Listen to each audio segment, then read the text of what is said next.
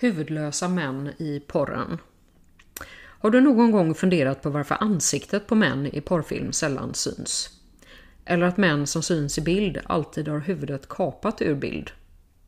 Det är medvetet gjort för att den man som ser filmen ska få en känsla av att det är han som gör det som sker i filmen. Självklart fattar han att det inte är så, men det är associationen han kan göra när han slipper se mannens ansikte och de hundratals inzoomningarna på kvinnans kön. Det skapar en känsla av handlingskraft och simulerar att det är han som skapar den njutning som filmen försöker imitera.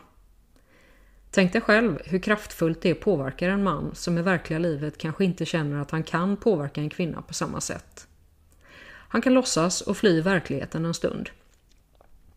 En verklighetsflykt behöver inte vara så farlig i sig, men om den bygger på ett verkligt djupt liggande behov och en desperation kring att inte lyckas i verkliga livet så är det väldigt lätt att det blir ventilen han söker sig till, om och om igen, för att få en känsla av kontroll. Ju mer porr han konsumerar, desto mer fast blir han i att den inte är interaktiv. Det finns ju ingen verklig kvinna som samspelar med honom.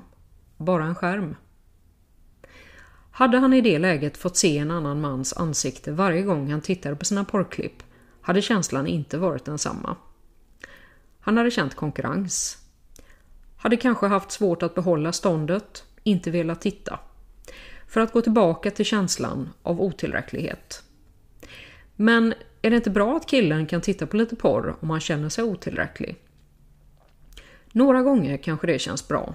Men när det blir en vana hamnar han alltid längre ifrån att få uppleva det på riktigt.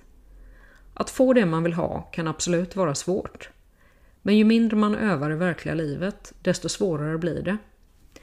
Porren blir lätt en krycka som fördröjer en möjlig känsla av tillräcklighet.